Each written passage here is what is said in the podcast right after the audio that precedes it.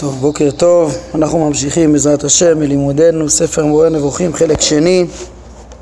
אנחנו ממש בהשלמה של פרק י"ט. הגענו לפסקה 27 אה, אומר הרמב"ם הבחינה הזאת מובילה אותנו לחקור על שני נושאים. האחד האם קיומה של השונות הזאת מחייב שיהיה הדבר בהכרח בכוונת מכוון ולא על דרך החיוב, או שאין הוא מחייב. כן, דבר ראשון, אומר הרמב"ם, כן, כל העיון שראינו בפרק הזה על השונות שיש בשמיים, בתנועות הגלגלים, בקצב שלהם, בכיוונים שלהם ובמיקומי הכוכבים, אה, שאנחנו מבינים שצריך להיות לזה סיבה. האם זה מביא אותנו בהכרח לזה שיש בורא שייחד את זה אה, ולא על דרך החיוב, כן, בעצם עד לכאן הרמב"ם מניח את זה בצורה פשוטה. אה, מתחילת הפרק, הרמב"ם אומר זה ברור שצריך להיות לדבר סיבה, לייחוד ואם אתה לא מבין, אה, לא יכול לתת שום הסבר אוטומטי לדבר של עילה ועלול שזה בעצם הדרך של החיוב, דבר מתחייב מדבר בסיבה ומסובב, אם אתה לא יכול לעשות את זה אז בעצם, אז ברור שיש פה מכוון שייחד את זה, כן, מה שהנחנו, אז מה הרמב"ם שואל את זה שוב, אה, כן, כי עד לכאן הוא הניח את זה כדבר פשוט. בעצם הוא רוצה להעמיק יותר בהבנה של, ה, של התפיסה של הקדמות ולהראות איך שבאמת לפי התפיסה של הקדמות, כמו שאנחנו נראה מיד בפרקים הקרובים, אה, זה בלתי אפשרי, זה, זה, זה באמת אה, אה, הכרחי לתת לכל דבר סיבה על דרך הילה ועלול, ושונות כזאת שלא נותנים לה סיבה היא בהכרח מכוונת מכוון, שהוא יעמיק את זה בעצם יותר. מה שהנחנו עד עכשיו הוא... הוא, הוא רוצה לברר יותר לעומק איך, ש, איך שהשונות הזאת בלתי אפשרי להסביר אותה על דרך החיוב אה, עם כל הידע שאפשר, ש, שידוע לפניהם. כן, וזה באמת, אה, הרמב"ם אומר בפסקה הקודמת, חזרנו לנקודת הפתיחה שלנו, באמת מתחילת הפרק, הוא הניח את זה כדבר פשוט, ש, שהשונות הזאת תחייב אה, אה, כוונת מכוון, אבל כמו שאמרתי, מה שהוא רוצה זה להוסיף בזה אה, הבהרה ו... להראות את ההכרח של הדברים. השונות הזאת מלמדת על כוונת מכוון, וכוונת מכוון היא גם מלמדת על החידוש. זה ה... ה... בואו נראה, את הנושא השני, זה הנושא השני שהוא רוצה לומר פה, זה גם אומר אם כל זה בכוונת מכוון שייחד את הייחוד הזה, האם הדבר מחייב שיהיה מחודש לאחר היעדר או שאינו מחייב זאת, אלא מייחדו, ייחדו מאז ומעולם. כן, מה, מה הנקודה השנייה? הוא אומר, גם אחרי שאני מוכיח שיש פה איזה מכוון שכיוון את זה אה, וגרם את, ה, את שינויי הדברים, אז עדיין אה, בוא נשאל, האם, האם זה מחייב שהוא חידש את זה פעם אחת אה, או שתמיד הוא מייחד את המציאות? עכשיו, לכאורה הרמב"ם גם בתחילת הפרק, גם את זה, הוא הניח כבר שברור שכוונת מכוון היא מחייבת חידוש. הרמב"ם אמר, הרי אה, הדבר תלוי הדברים תלויים בכוונת המכוון וזה, וזה קיים ממילא רק אחר שהוא כיוון, כן?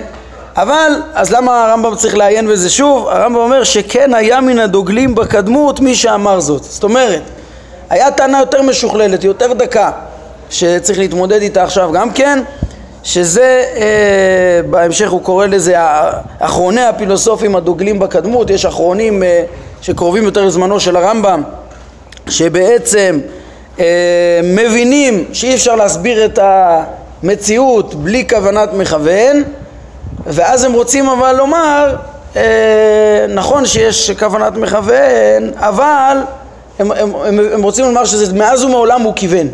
כן על זה נדבר פרק כ"א הוא יעסוק בשיטה שלהם והרמב"ם רוצה להגיד שזה לא נכון. הוא לא מקבל את הדעה הזאת של כוונת מכוון מאז ומעולם אלא שוב, השונות מעידה על כוונת מכוון, זה, הוא צריך להכריח את זה יותר, כמו שהוא אמר בשאלה הראשונה, וברגע שאתה מדבר על כוונת מכוון, אתה גם מדבר על מחדש, אה, ולא על מציאות שהיא מחויבת מאז ומעולם, או שהיא מכוונת מאז ומעולם, אה, בלי אפשרות להשתנות. אומר, כן, אז זה בעצם אה, שכלול ודקדוק כדי לברר את, את, ה, את הראיות שהרמב"ם התחיל ללמוד על מציאות, על חידוש העולם מתוך המכוון, רק בצורה יותר מפורטת. אומר הרמב"ם, החל לעסוק בשתי השאלות האלה ולבאר מה שראוי בהן בפרקים הבאים. כן, זה אה, מה שנראה עכשיו. אז פרק כ', אומר הרמב"ם, אריסטו מוכיח שכל הדברים הטבעיים אינם קורים במקרה. הוכחתו לכך היא כמו שציין, דברים מקריים אינם מתמידים ואינם על דרך הרוב. ואילו כל הדברים הטבעיים האלה הם תמידיים או קורים על דרך הרוב. זאת אומרת, ברגע שאריסטו מזהה אה, דבר שחוזר וקורה אה, פעם אחר פעם על דרך הרוב, אז הוא מבין שיש איזה חוק, יש איזה סיבה ש, שזה מה שקורה בדרך כלל. כן, אם לא היה שום סיבה שיקרה הדבר הזה, הוא לא היה חוזר וקורה אה, כל הזמן או על דרך הרוב. אה, כל דבר מתמיד, כנראה יש סיבה למה הוא ככה, כל דבר שהוא בדרך כלל מתנהג, זאת אומרת יש איזה טבע שגורם לו להתנהג ככה. השמיים וכל אשר בהם הם תמידיים במצבים שאינם משתנים כמו שביארנו. לא בעצמותם ולא בשינוי מקומותיהם. כן, איך שאריסטו תופס את המבנה של השמיים, זה שהגלגלים, תמיד כל גלגל נשאר במקומו ורק מסתובב באותו מקום. בלי לשנות את, את מקומו, תנועה סיבובית שהיא נשארת, ש, שכלל הגוף נשאר באותו מקום. אמ, והוא עצמו לא משתנה, לא בעצמותם ולא בשינוי מקומותיהם. ואילו הדברים הטבעיים שמתחת לגלגל הירח, חלקם תמידיים וחלקם על דרך הרוב. התמידיים, יש דברים שתמיד חוק אה, נתן ולא יעבור, זה כמו חימום האש וירידת האבן למטה, אה, וירידת האבן למטה, כן, את כוח המשיכה, או איך שהם הסבירו אותו כחזרת יסוד העפר כלפי מטה, אה, או את החום של האש, זה דברים תמידיים ש, ש, שתמיד תמיד קורים, זה חוק ברור, כן, סיבוב השמיים שהוא קבוע בלי שינוי איך שהם צופים אותו, אז הוא, יש לזה חוק, אה, וחייבת להיות לזה סיבה, כן? אז יש דברים תמידיים זה פשוט שיש להם סיבה, וגם דברים על דרך הרוב, כמו צורתם החיצונית של פרטי כל מין ופעולותיו, כל זה ברור, כן? כל האריות יש להם איזה מכנה משותף, וכל הנמרים, וכל הגפנים, וכל התאנים, והדקלים וכדומה, כל מין יש לו תכונות אה, אה, ופעולות שחוזרות על עצמם אה, כמעט תמיד, באופן נדיר יהיה איזה יוצא מן הכלל או משהו שהתעוות ולא נשמרה בו צורת המין לגמרי. אבל אה, אם זה כמעט תמיד חוזר, זאת אומרת שזה לא במקרה, זאת אומרת שיש לזה סיבה. וממשיך אריסטו ואומר, אם חלקיו, חלקי המציאות, חלקי העולם, אינם במקרה, איך יהיה כולו במקרה? זוהי הוכחה שהמצויים האלה אינם מקריים. זאת אומרת, אם אתה מתבונן גם תחת גלגל הירח ורואה שדברים פה מסודרים בתוואים וגם למעלה, אתה מסתכל על המכלול כולו, עם חלקיו בכוונה ולא במקרה וסיבה, אז איך כולו, שהוא מערכת הרבה יותר שלמה ואורגנית גם למדנו בחלק א' פרק ע"ב, כן, אה, ומסודרת, מלאה חוקיות, מתנהגת בחוקיות, איך תהיה במקרה. זה לשון דברי אריסטו במענה למי מן הראשונים שטען שהעולם הזה הופיע במקרה ושהוא היה מעצמו, ספונטנית, בלי סיבה. כן, הראשונים מביאים את, מייחסים את ההשקפה הזאת לאפיקורוס היווני, שהוא אומר שהכל מקרה, הכוזרי מביא את זה, וכן, אה, הרמב"ם מזכיר אותו בהקשר שהוא כפר בסיבה הראשונה, אה, ראינו בפרק י"ג שהוא לא מדבר בכלל באלה ש... שלא הודו בסיבה הראשונה, ככה, כן, הוא לא, לא דן בהם, כי הרי זה כבר הוכח. גם בפתיחה לפרקי הנבואה הוא כאילו השגחה אז uh, הוא לא, הוא, הוא מתעסק רק בפילוסופים שדיברו כבר בדברים מוכחים, פה אריסטו כבר דחה אותו. אז הנה, אריסטו אמר, אנשים אחרים טענו שסיבת השמיים והעולמות כולם הם מעצמם, בלי סיבה. כן, הם אמרו שה, שהסיבוב והתנועה שהבדילו ושהעמידו את הכל בסדר הזה, היו מעצמם. כן, השמיים וזה שהם מסתובבים ככה זה מעצמם, אין, אין סיבה לזה. אכן, זה עצמו מקום פלא עצום, אריסטו תמה עליהם. כוונתי שהם אומרים לגבי בעלי החיים והצמחים שהם מתהווים ולא מתחדשים בהקראה אלא יש להם סיבה בין אם טבע או שכל או דברים אחרים הדומים לכך. כן, אז אני לא בטוח שזה פה אה, אפיקורוס, כי הוא גם, גם לדברים שתחת גלגל הירח אה, אמר שהכל במקרה. ככה הראשונים מביאים בשמו.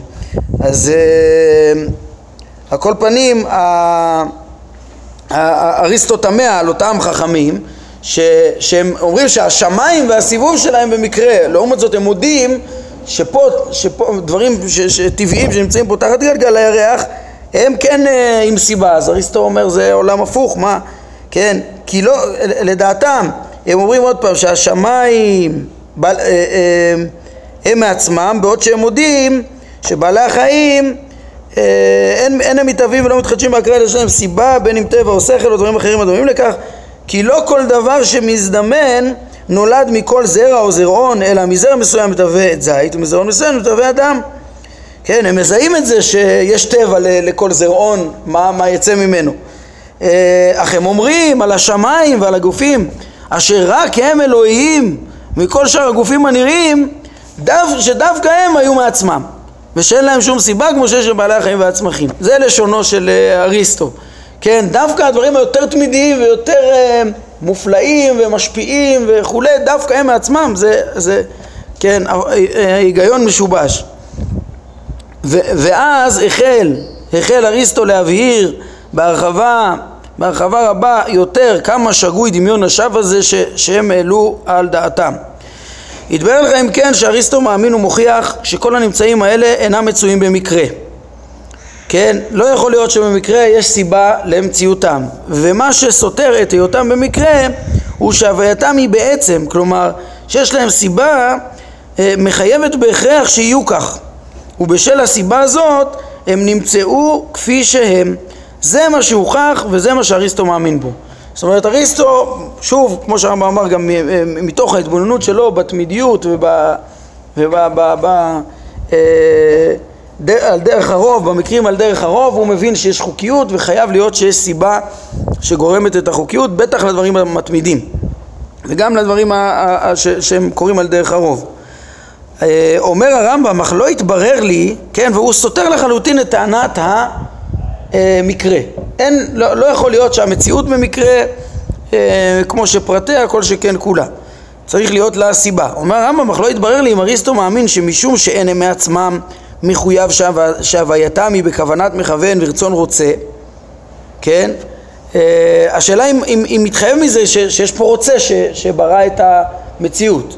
כן, ש, שזה קיים מרצונו, כל המציאות קיימת מרצונו. והרמב"ם אומר כי הצירוף בין המציאות על דרך ה...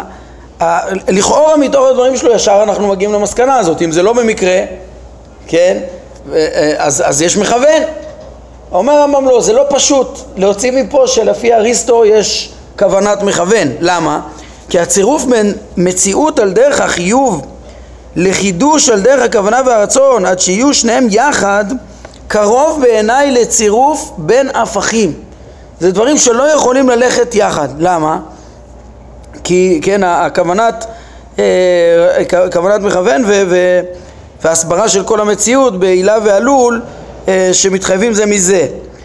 כי משמעות החיוב שאריסטו מאמין בו היא שכל דבר מן המצויים האלה שאינם מלאכותיים הכרח לא בסיבה המחייבת את הדבר הזה שהיווה אותו כפי שהוא ולסיבה הזאת סיבה שנייה כן כל הדברים הטבעיים שלא מלאכותיים מה שדבר מלאכותי ברור שיש לו סיבה אדם יצר אותו אה, כן אה, הדברים והוא רוצה להסביר אפילו את הדברים הטבעיים הדברים הטבעיים שקורים ככה בצורה מתמידה או על דרך הרוב כל הדברים האלה הכרח לו בסיבה מחייבת את הדבר הזה שהיווה אותו כפי שהוא ולסיבה הזאת סיבה שנייה כן ולמה אה, למה היא קיימת? יש לה סיבה, ולסיבה השנייה השלישית, וכן הלאה, עד שמגיעים בסופו של דבר לסיבה ראשונה שממנה יתחייב הכל.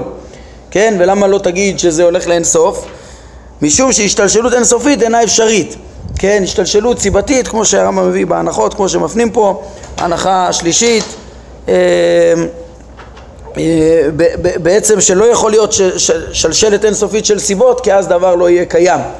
כן, אם הוא יהיה תלוי בשלשלת אינסופית, ואם דבר קיים, אז uh, יש סוף לסיבות, והכל מתחיל מסיבה ראשונה כלשהי, uh, כן, אז, אז המשמעות של החיוב זה בעצם לומר שהכל נובע מסיבה אחת ולכל דבר כל, אה, נובע מסיבה, זו הסיבה הראשונה.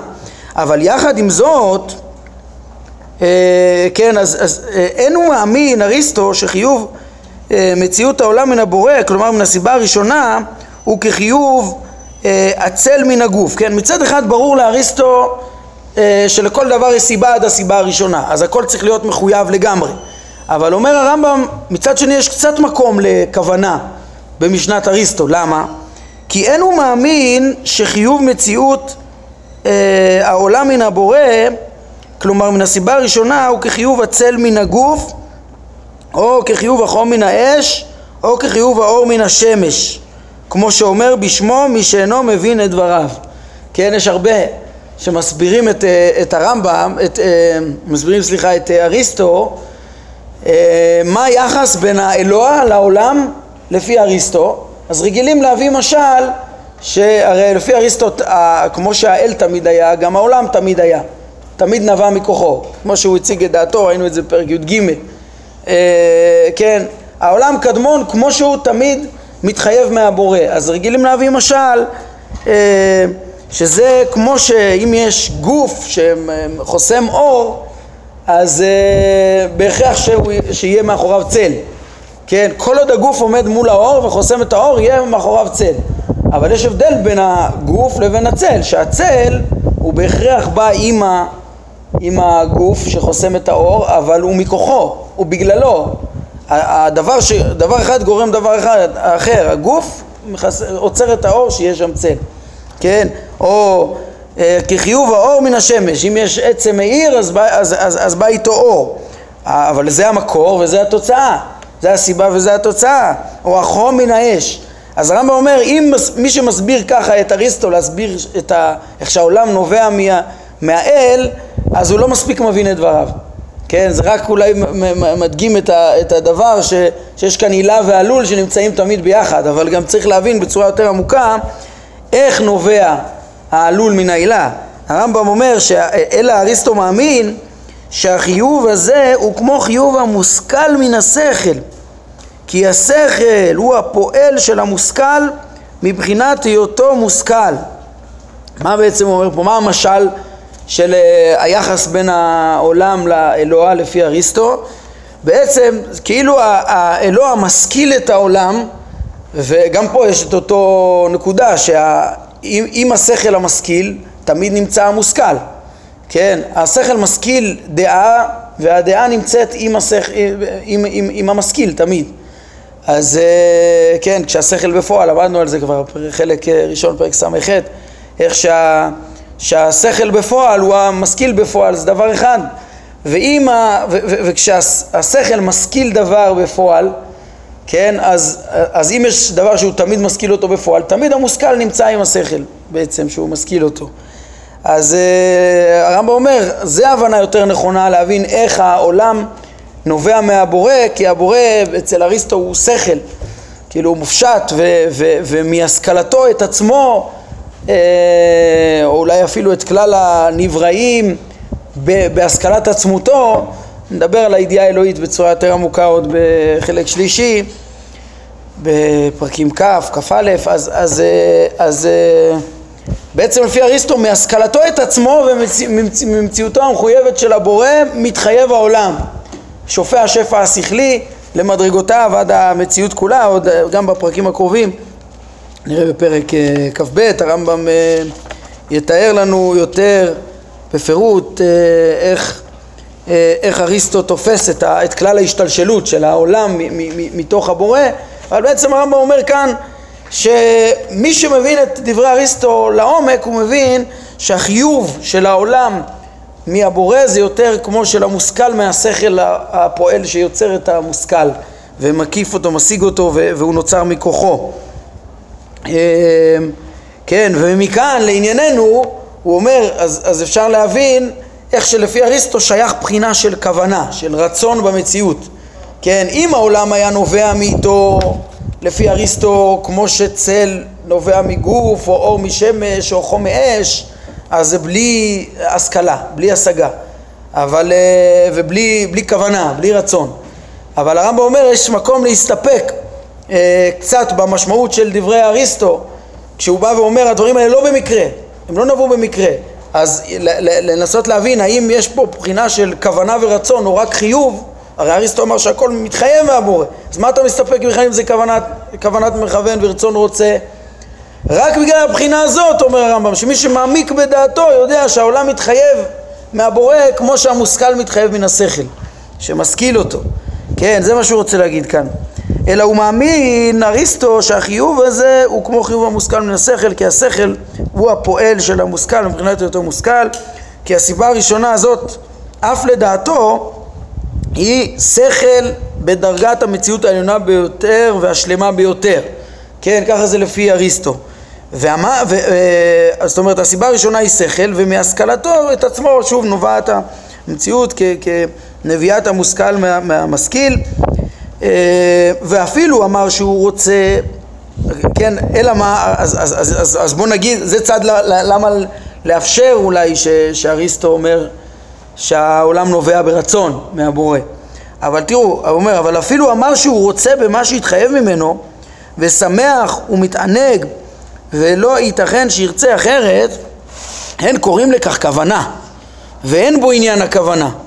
למה? אומר הרמב"ם, כי האדם רוצה להיות בעל עיניים וידיים והוא שמח בכך, הוא מתענג על כך ולא ייתכן שירצה אחרת, אבל האדם הזה אינו בעל עיניים וידיים מתוך כוונה שלו, הוא כייחוד של, של התבנית הזאת והפעולות הללו.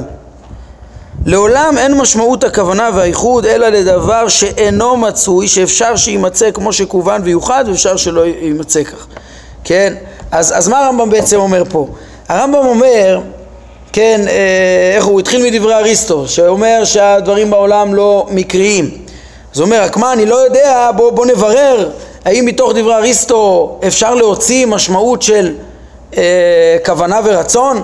כן, ראש הרמב"ם כבר רמז לנו בסוף פרק י"ט שיש כאלה מאחרוני הפילוסופים שרצו להוציא את זה אה, אה, מתוך אה, דבריו, להגיד שכאילו הבורא חפץ בקיום העולם ויוצר אותו בכוונה ורצון אז הרמב"ם אומר שהרי זה, זה, זה לא מתברר מתוך הדברים שלו, הוא שולל את המקרה, אבל מצד שני לפי אריסטו הכל מחויב אז נכון שזה לא מחויב באופן אוטומטי כמו, מהצ... כמו מהצמים הטבעיים, כמו שאמרנו, אור מהשמש וחום מאש וכדומה, אלא מהשכלה, אבל עדיין, אומר הרמב"ם, זה לא כוונה ורצון באמת. זה מה שהוא, כן, הוא כאילו התחיל בספק, אבל בעצם הוא נוקט עמדה ברורה, והספק זה רק כאילו ל... ל... ל... להסביר את הצד של אחרוני ההולכים בשיטת אריסטו שחשבו לייחס לפי אריסטו רצון, אבל בעצם אומר הרמב"ם זה לא רצון, למה? הנה, מה המשל היפה שהוא מביא פה מהבן אדם? זה שכל אדם רוצה בזה שיש לו איברים וחושים ושמח בזה, זה לא אומר שהוא ייחד את זה ויצר את זה. כן, הוא בסך הכל שמח בזה, זה לא כמו אדם, יש דברים שאדם רוצה ועושה, רוצה ומחדש ויוצר, כן? אז, אז בעצם אומר הרמב"ם, אצל אריסטו אם מעיינים האם הוא, כשהוא בא ושלל את המקרה, האם הוא גם כן ייחס כוונה ורצון, אז הוא אומר לא, זה לא באמת רצון. זה אולי רצון מסוג מסוים שמתחייב ממנו מציאות בדרך החיוב, שהרי כמו שהרמב"ם אמר אצל, על דרך החיוב, אריסטו מחפש סיבה לכל דבר עד הסיבה הראשונה, לכל דבר מוכרח, דבר נובע מדבר, כן? וממילא לא שייך פה כוונה של אפשרות אחרת, של ייחוד, של, של יצירה של דבר ש, שהיה אפשרי ו, והוא יצר אותו, אלא מקסימום שנובע מתוך מודעות נקרא לזה, נובע מאיתו המציאות מתוך מודעות, מתוך אה, שמחה במה שנובע ממנו, כמו שאדם יכול לשמוח בתבנית איבריו, אדם לא יוצר את גופו וחושיו ואיבריו, אבל הוא שמח בהם, כן, אז אומר מהבחינה כזאת כוונה רק אפשר ל- ל- להסביר בכוונת אריסטו, שאריסטו אומר שהכל מחויב אז יש כזאת כוונה, אבל כוונה שהיא ממשית, שהיא יוצרת, זה לא יכול להיות משנת אריסטו.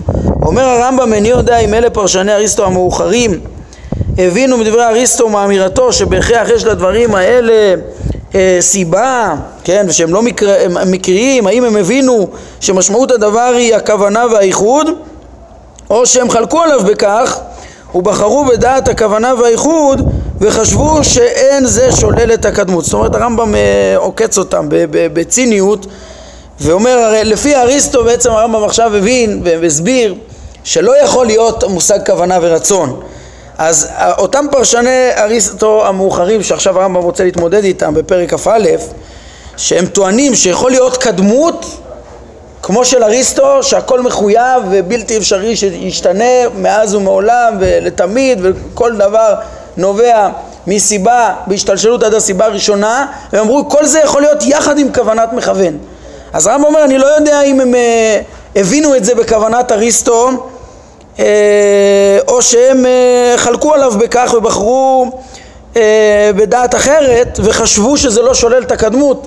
אבל בכל מקרה ברור שזה לא כוונת אריסטו הוא אומר והם הרי ודאי לא התכוונו גם לחלוק אליו, הם רצו לפרש את זה בדעת אריסטו, אבל הוא אומר, בין אם אתם מפרשים את זה באריסטו זה לא נכון, ובין אם אתם אה, חולקים עליו וחושבים שזה, ומחדשים דעה שיכול להיות קדמות עם כוונה ביחד, אז זה סתם אה, הטעיה וטעות, כמו שהרמב"ם יסביר בפרק הבא גם, שזה בעצם דברים, אתם לא שמים לב שזה דברים סותרים.